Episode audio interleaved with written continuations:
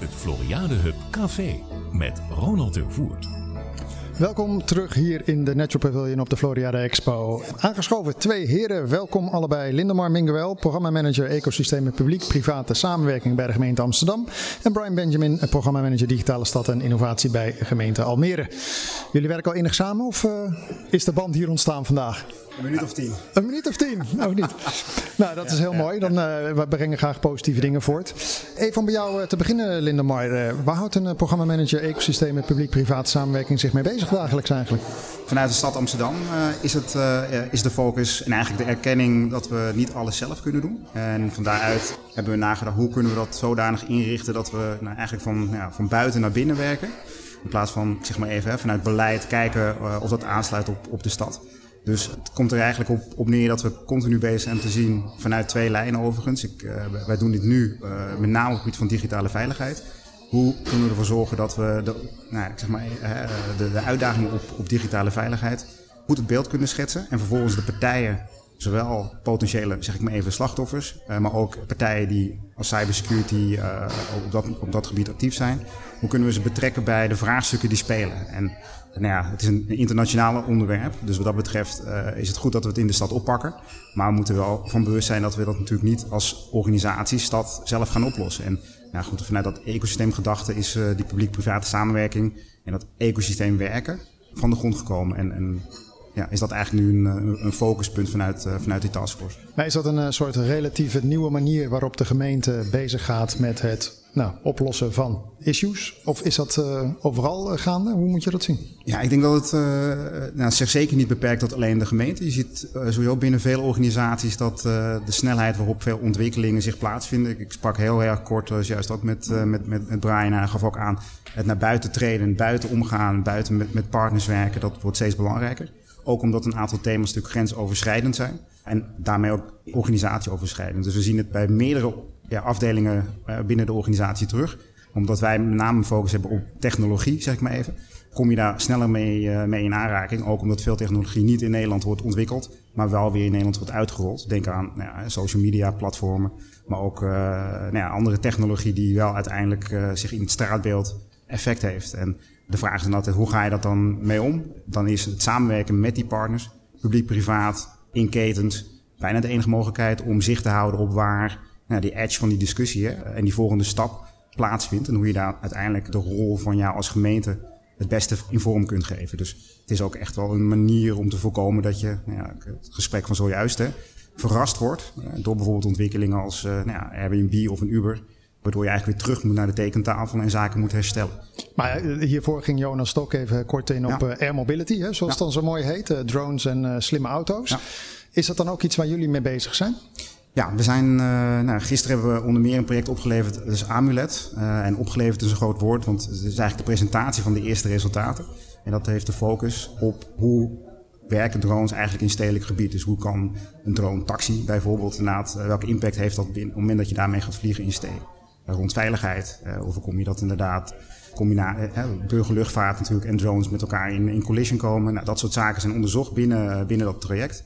En wij zijn als stad daarbij betrokken, niet zozeer als push, technology push, om het voor elkaar te krijgen. Maar juist om te leren hoe we daaruit beleid kunnen halen. Om uiteindelijk aanvragen vanuit private partijen om te mogen vliegen goed te kunnen beantwoorden.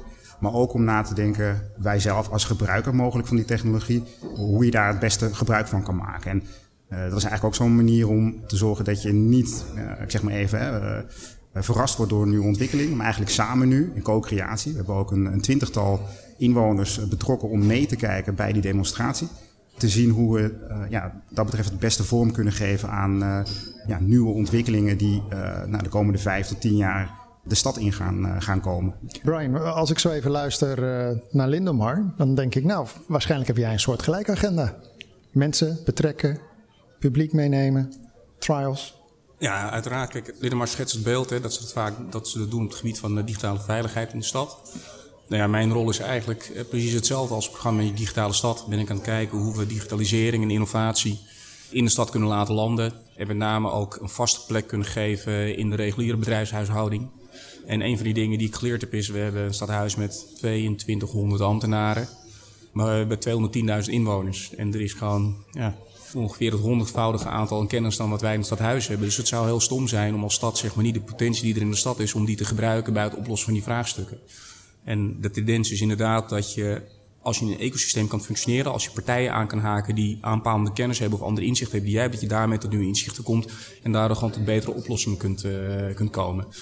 Dus dat is mijn opgave eh, voor de stad. Hoe kunnen we ervoor zorgen dat over de volle breedte van de, de gemeentelijke taken en gemeentelijke dienstverlening, dat we daar voor de vraagstukken die we hebben, dat we daar partijen kunnen uh, vinden die daarop willen aanhaken om ons te helpen om die op te lossen. Maar dat gaat van uh, slimme stoplichten tot aan digitalisering bij het sociale loket. Ja, letterlijk over de volledige breedte. Dus of het nou een loketfunctie is, of het gaat om de doelgroepenvervoer, waar we als je het hebt over dienstverlening, van we denken best wel raar gewoon. Je hebt allerlei uh, on-demand uh, mobiliteitsdiensten. En wij zitten nog uh, met een archaïsch model waarbij je doelgroepen vervoer hebt en mensen anderhalf uur moeten wachten. En vervolgens als je doodziek bent in het ziekenhuis nog een rondje moet gaan rijden omdat andere mensen moeten worden afgezet. Terwijl je ook gewoon kan zeggen, nou laten we het omdraaien, we geven iedereen een mobiliteitsbudget. En ze boeken gewoon de mobiliteit die ze nodig hebben.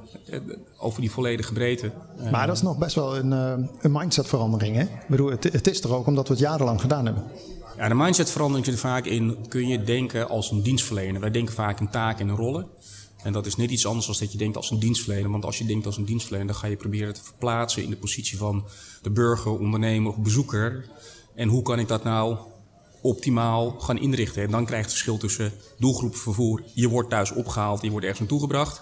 Nu moet ik opgehaald worden. Maar goed, ja, voor de leverancier is het heel efficiënt om eerst een vaste route af te werken. Dat is goedkoper in plaats van wat wil die persoon nou echt. En ga vanuit die persoon denken en vandaar dat je diensten definiëren. Straks als de Floriade is afgelopen komt hier uh, Woonwijk Hortus. Ik, als ik even ook zo naar Lindemar, maar ook net naar Jonas even luister. Dan denk ik nou dat is een ideaal terrein om allerlei dingen uit te testen. Digitale veiligheid, mobility, uh, you name it. Is dat ook iets wat op jouw bordje ligt? Ja, we doen hier al heel veel. Hè. Dus een van onze ambities was om alle belangrijke uh, processen van de Floriade uh, digitaal inzichtelijk maken door ze meetbaar te maken. Dat gaat vervoerstromen, afvalstromen, persoonstromen. Om een beeld te hebben hoe, hoe kunnen we dat nou beter aansturen. Hoe kunnen we dingen hergebruiken of recyclebaar maken. En de ervaring die we hier opdoen, die proberen we te vertalen natuurlijk naar de stad. Nou, een van de eerste plekken waar je wil beginnen is nou gewoon in de stad zelf. Want we zijn de binnenstad zijn we opnieuw aan het inrichten. Dus we kunnen kijken wat hebben we hier nou van geleerd van vraagstukken. Nou, vervolgens gaan hier straks een woonwijk worden ontwikkeld. Nou, een van de dingen die je hier bijvoorbeeld ziet is dat die woonwijk wordt autoluw ontwikkeld. Dus er komen iets van 40 deelauto's staan, deelfietsen en andere deelconcepten. Nou, we hebben hier al ervaringen opgedaan met allemaal deelfietsen in Almere. En vervolgens gaan we kijken hoe kun je dit nou bestendig krijgen. Het is weliswaar een andere omgeving, want het is een ander businessmodel. Free floating, zoals we dat kennen naar Amsterdam of Utrecht, dat je ze overal kan oppikken. Versus een dedicated model waarbij je verplicht bent om in die woonwijk je modaliteiten te hebben. Dat soort experimenten hè, kunnen we daarvan leren. Als we nou hier een aantal jaar ervaring op kunnen hebben gedaan, dan kunnen we straks in Pampus kijken. Hè. Wat werkt? En moeten we nog steeds een dedicated model of zijn we zo ver dat we ook gewoon naar free floating kunnen kijken? Nou, dan kom je weer terug bij partnership met bedrijven. Uh, bedrijven zoals Tier die hier nu mobiliteitsconcepten leveren. Wij werken met hun samen om te zien wat nou het gebruik van data is. Welke plekken staan die dingen.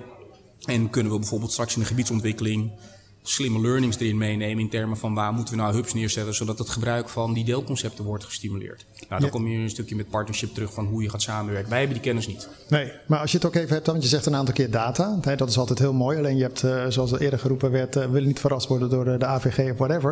Je hebt natuurlijk wel heel erg privacy issues. Hoe ga je daar dan mee om als gemeente zijn? Want je wil al die data natuurlijk gewoon heel mooi kunnen gebruiken, geanonimiseerd. Loop je daar tegenaan of valt het wel mee? Nou ja, je hebt twee antwoorden. Kijk, als je aan, ik vind als je aan de innovatieve kant zit, hè, dan moet je wat speelruimte hebben. Omdat je anders nooit tot iets nieuws kan komen. En uiteindelijk ga je een negatief effect hebben, dan ga je de regels op bedenken. Maar als je in eerste instantie probeert iets te ontwikkelen, dan gaat het in eerste instantie om je positieve intentie of het positieve effect dat je wil bereiken. Dus dat is het ene antwoord. Het andere antwoord is lopen we in de praktijk tegenaan? Ja, zeker wel, want het, is, het begint nu beter te worden, hè, maar we hebben verschillende aanbieders van mobiliteitsconcepten ieder leader zou je willen dat een persoon gewoon op zijn app kan zien van alle verschillende aanbieders welke modaliteiten er zijn of welke fiets hij is. En dit zou hij meteen kunnen nemen. Maar in de praktijk is het lastig, want je mag data alleen maar delen met toestemming van een gebruiker. Dus je mag de data alleen maar gebruiken ook voor het doel waar je hem voor hebt verzameld. Dus dan hebben we data van verschillende aanbieders. Maar Maar je wil eigenlijk een hele goede dienstverlening gaan creëren. Dus niet dat je dus drie apps moet gaan downloaden. Dus hoe ga je er nou voor zorgen dat je... Nou, een van die dingen is dat we proberen dat we nu een platform aan het werken zijn... waarbij je ontheffing hebben om die data zeg maar cross-platform te gebruiken. Maar daar loop je in de praktijk tegenaan. En we hebben twee discussies binnen de gemeente. We hebben een aantal taken. En als je die taken uitvoert, komt soms zeg maar de maatschappelijke waarde in geding. Uh, andersom wil je een bepaald effect soms genereren, waardoor je wel over zeg maar, je regelgeving heen gaat. Dus we willen goede dienstverlening leveren door de data te delen, waarvan iedereen zegt, ja dat is heel logisch, want we willen niet vier of vijf verschillende apps downloaden. kijk bijvoorbeeld nu maar naar uh, je tv-apps. Netflix, Disney, in China zijn ze een stukje verder. Hè? Daar, daar, bundelen ze gewoon alles. Maar goed, dat is een heel ander systeem. Ja, maar dus, dus, dus, dus dan, dan werkt het andersom. Ja. Dan wil je eigenlijk een integraal dienstverlening die iedereen heel graag wil hebben. Maar dan loop je tegen wetgeving aan en zeg ja, dat kan niet. Ja, maar goed, eh, zonder wrijving geen glans, zullen we maar zeggen. En pionieren is altijd een beetje tegen hele huisjes aanschoppen. Hé Linda, maar als ik zo even luister naar Brian, denk ik nou, uh, het ideale achterland. Hè? En dat bedoel ik niet denigrerend. Maar dit is een speeltuin. En dan spreek je hem net voor het eerst. Ja, en, misschien nog wel meer dan inderdaad uh, een speeltuin. Want er gebeurt al inderdaad een hoop op terrein waar je natuurlijk prima op kan, kunt samenwerken. Uh, als maar je is, dat, naar... is dat ook mogelijk voor jullie, zeg maar? Want jullie zitten in ecosystemen. Je zit vanuit Amsterdam, daar ben je natuurlijk wel hè, de grootste stad van Nederland. Maar er gebeurt zoveel ook vaak nou, onder de radar nog, denk ik. Hè, als je hier nog een keer verder gaat doorpraten. Is het voor jullie heel logisch om ook zeg maar, hier de, de stap te maken? Of zeg je van nou, dat, dat, ja, we, we hebben ook een stadsgrens? Nee, nee, ik denk dat je sowieso als je kijkt naar uh, Amsterdam of Nederland, hè, in een beetje land is Nederland denk ik qua omvang, qua inwoners misschien een grote stad. Hè. Dus wat dat betreft is het uh, gisteren misschien een mooi voorbeeld. Kwam in contact met de High-Tech Campus. Nou, Jonas die, die, die noemde al even wat daar allemaal gebeurt. En er is eigenlijk nog niet, nou, laat ik het zo stellen, er is nog minimaal uitwisseling tussen in Amsterdam gebeurd. Ja, ik denk dat uh, uiteindelijk, als je kijkt naar, uh, dus daar hebben we nu een start mee gaan we een start mee maken. Maar als je kijkt natuurlijk naar, de, naar Almere, die denk ik van oudsher, ja, misschien zelfs het ontstaan, hè, min of meer ook wel indirect komt door nou, de, de groei die in Amsterdam heeft plaatsgevonden. Dus er is al, al een historie. Ik denk ook als je kijkt naar het wegennet, dat is juist geoptimaliseerd om uh, de uitwisseling tussen Amsterdam en Almere te, te, verbeteren. Dus er is denk ik in de kern, is dit al een, nou ja goed, uh, je mag niet zeggen of uitspreken, maar wat dat betreft is het natuurlijk al een uh, onderdeel, het is natuurlijk een onderdeel van de metropoolregio. Maar ik denk dat er ook qua cultuur, setting, mindset, er, er, al heel veel verbindingen zijn. Dus wat dat betreft, ja, zeker een mooie basis om een aantal initiatieven verder uit, uh, uit door te rollen. En niet alleen voor Amsterdam, maar misschien wel, uh, ik denk dat het een, een, two-way street zal zijn. Waar uiteraard in Almere, de Flevopolder, polder ongetwijfeld ook van, uh, van kan profiteren. Als je even kijkt ook uh, naar de drones, de mobility waar we het even over uh, hadden. Jij bent ook ambassadeur volgens mij voor hetzelfde als wat ja. Jonas riep over ja. de Urban Air Mobility. Is het dan, hè, want Brian zegt ook van je moet allerlei partijen kunnen wel samenwerken, maar je moet ook mensen meekrijgen. En je moet natuurlijk ook mensen bewust maken dat een keuze een bepaald voordeel heeft. Zeker. heel veel mensen hebben natuurlijk zoiets van oh, mijn data, dat wil ik niet delen. En eng in een auto zitten die ik niet kan besturen, maar wel rijdt. Is het dan zo dat jullie ook allerlei evenementen of bijeenkomsten gaan organiseren, zodat allerlei stakeholders worden geïnformeerd en een stapje verder gaan? Ja, nee, zeker. En uh, nou, een van die, uh, van die platformen is uh, de Amsterdam Drone Week. We hebben in 2018 hebben we die, is die opgericht. Directeur van de RAI, Paul Riemens, oud-directeur luchtverkeersleiding Nederland. Samen met EASA, de, de Europese autoriteit gebied van, van aviation, hebben ze inderdaad het, het platform opgezet. EASA vanuit de regelgeving. Eh, wat, eh, welke regelgeving is er nodig om in Europees verband cross-border te kunnen vliegen op een veilige manier tussen bemand en onbemande luchtvaart. En anderzijds de RAI die van oudsher het verbinden van mensen centraal heeft, uh, heeft staan in haar kernwaarden. Um, hebben ervoor gezorgd om ja, juist die publiek-private ja, ketens bij elkaar te krijgen. En uh, ja, inmiddels is het een ja, internationaal platform waar ook heel veel ja, Nederlandse spin-offs, ik zeg de, de Dutch Drone Delta bijvoorbeeld, maar ook het drone-netwerk gemeente uit is ontstaan. En dat is zeker een manier om, ik zeg maar even, de hearts and minds ja, uh, uh, te informeren en mee te krijgen over deze ontwikkeling. Maar juist ook om in gezamenlijkheid ja, deze nieuwe industrie vorm te geven. En ik denk een mooi voorbeeld over wat net werd uh, genoemd door, door Brian over doelgroepenvervoer. Uiteindelijk willen we urban air mobility, vervoer met, met, met zodanig inrichten dat we dat doen op een manier dat het op een inclusieve manier is. Met andere woorden, toegankelijk en zelfs misschien wel uh, toegankelijk, uh, toegankelijk is voor, voor, voor verschillende doelgroepen. Ook doelgroepen die op dit moment misschien wel minder mobiel zijn. En dat we voorkomen dat we dezelfde, ik zeg maar even, misschien wel fouten of uitdagingen maken die uiteindelijk met automobile, met, met de automotive sector zijn, zijn gebeurd. Die je nu eigenlijk de komende 20, 30 jaar terug moet gaan draaien. Ja. ja en die kans heb je, hebben we nu met, met de drone sector. En nou goed, publiek-privaat werken in ecosystemen zorgt ervoor dat je ja, echt een 360 view hebt over wat je gaat doen. En daar helpt dat platform voor, uh, waar uh, ook verschillende stakeholders bij, uh, bij betrokken zijn. Als we even kijken, Brian, naar de Green Innovation Hub waar we nu momenteel staan, in de, de Natural Pavilion. Hoe belangrijk is dat voor jou qua de ambities en de agenda die je hebt? Belangrijk, niet zozeer in, in, in belang van het gebouw, hè, de, want dat is een, een verschijningsvorm. Maar wel als het gaat over de ambitie die je hebt als stad, als het gaat om de groeikern in uh, de metropoolregio. Van de, van de woningbouwopgave die we hier hebben, wordt ongeveer 70.000 wordt straks uh, hier in Almere gerealiseerd. Wat daarmee samenhangt is een enorme economische kracht. Als je ziet, eh, in Almere hebben we een aantal uitdagingen. Maatschappelijke veiligheid, mobiliteit, maar met name economisch gezien. 70% van de mensen die in Almere woont, werkt ergens anders. Dus dat is gewoon een hele grote opgave voor de stad. Nou, als je die bouwopgave die we hebben, als je dat kan koppelen aan een grote transformatie op de stad afkomen. Hè, eh, stikstof uitstoten, wat een hele belangrijke is tegenwoordig. Eh, de energietransitie, wat een hele belangrijke is. Duurzaamheid en circulair. Als je die woningopgave daaraan kan koppelen om die grote transities zeg maar, in gang te gaan zetten. En daarmee ook een stukje innovatie en werkgelegenheid kan creëren. Dat is voor mij het belang van de Green Innovation Hub. Niet zozeer een gebouw op zich, maar het idee dat je een natuurlijke ontwikkeling in de stad kunt gebruiken om een aantal grote maatschappelijke thema's zoals energietransitie, woningbouwopgave, mobiliteit en veiligheid op te lossen. Want we bouwen feitelijk gewoon een nieuwe stad. Dit is uh, eigenlijk de omvang van de gemeente Lelystad wat je hier opnieuw gaat neerzetten. Zou jij voor zijn eigenlijk, we hadden het net eerder over de techcampus in Eindhoven. Uh, is, zou jij voor zo'n groot campus zijn? Dat kan natuurlijk daar vanwege dat alle industrieën van oudsher zaten, gaan we door. Maar is hier ruimte? Is dat iets waarvan je zegt van nee, dat, dat zou ook heel goed kunnen werken hier? Of zeg je nee, we zijn hier anders daarin en dat gaan we ook anders inrichten? Nou, ruimte hebben we sowieso. Nee, dat bedoel ik. Uh, dus je kan heel veel tekenen je, ziet, je ziet natuurlijk een hele goede voedingsbodem hiervoor om dat te doen. Ik, ik denk het, het het helpt het sterkste als je al een natuurlijke voedingsbodem hebt. En die heb je omdat je hier echt moet gaan bouwen. Als je hier alle kennis in huis hebt van bouwen, bouwlogistiek, eh, hergebruik van materiaal, duurzaamheid, energietransitie. Door, die, door dat te bundelen, dan kom je weer terug bij, hè, wat Linda maar zegt, je ecosystemen, kennis met elkaar samenbrengen en dan nieuwe producten kunnen creëren. Maar hier meteen denk ik ook het kunnen toepassen je gebiedsontwikkeling, dat is volgens mij een onwijs uh, belangrijke aanjager van innovatie en werkgelegenheid. Dus ik zie, oh als je het zou hebben over wat zou mijn fantasie nou zijn, dan zou dit het zijn dat je in Almere zegt, we hebben hier het kennisinstituut voor uh, groene duurzame stedelijke ontwikkeling. En het behelst alles van duurzame mobiliteit. Hoe zorg je dat in verdichte gebieden de leefbaarheid overeind blijft en een veilig gevoel blijft? Hoe ga je om met klimaatadaptatie, met het steeds warmer worden? En hoe gaan we dit ook zeg maar, op een duurzame manier uh, uh, realiseren dat we het straks ook kunnen hergebruiken? dat zou natuurlijk gewoon een absolute droom zijn. En ik denk ook dat we alle elementen hiervoor in huis hebben.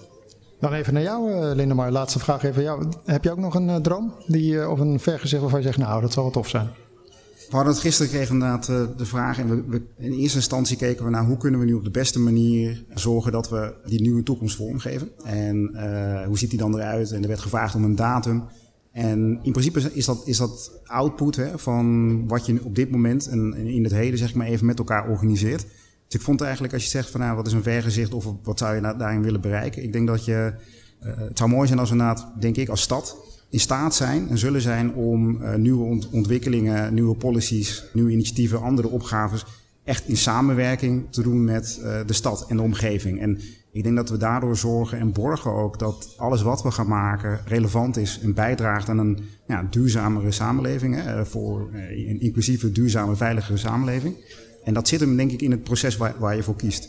Dat maakt het niet makkelijker of per definitie sneller. Maar uiteindelijk hebben we gezien dat uiteindelijk niet hè, ons brengt waar we willen zijn. Vandaar de huidige, zeg maar even, crisissen waar we mee te maken hebben. Brian ze, eh, stonden ze, net zojuist op.